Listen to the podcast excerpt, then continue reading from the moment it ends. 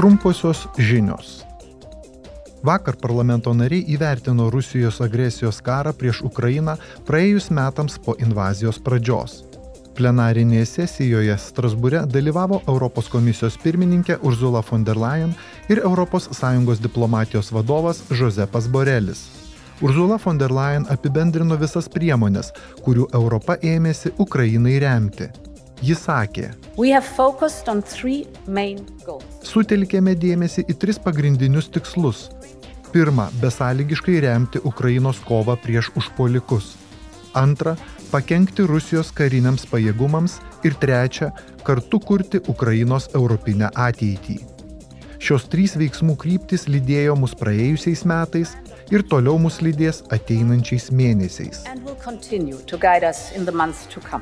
ES vyriausiasis įgaliotinis užsienio reikalams Josepas Borelis apžvelgė praėjusiais metais Europos priimtas sankcijas ir paragino Ukrainai tiekti daugiau karinių išteklių. Raginu visas Europos šalis Ukrainai atiduoti jų turimus modernius ir veiksmingus tankus, kurie dulka ir be naudos stovi jų kareivinėse. Raginu tai padaryti kuo greičiau nes šis pavasaris ir vasara bus lemiami. Šį pavasarį ir vasarą spręsis, kas laimės karą. Parlamento nariai aptarė, kaip ES galėtų toliau remti Kyivą. Dėl rezoliucijos bus balsuojama šiandien. Per plenarinę sesiją Latvijos prezidentas Egilas Levitas paragino Europą parodyti politinę valią, patraukiant Rusiją baudžiamojon atsakomybėn už jos nusikaltimus ir užtikrinant Ukrainai ateitį Europoje. Jis taip pat sakė,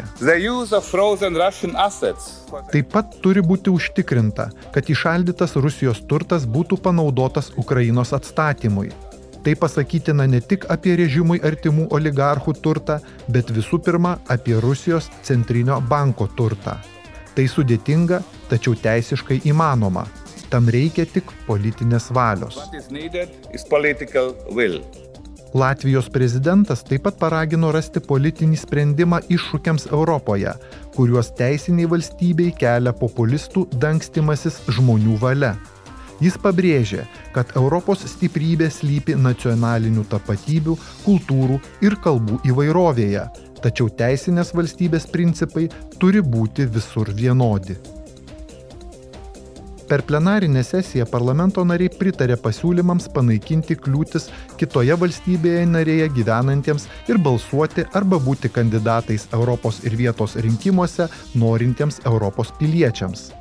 Parlamento nariai ragina nustatyti privalomas taisyklės dėl sistemų, kurios leistų registruotis rinkimams vos tik užsiregistravus nuolatiniu kitos ES šalies gyventoju.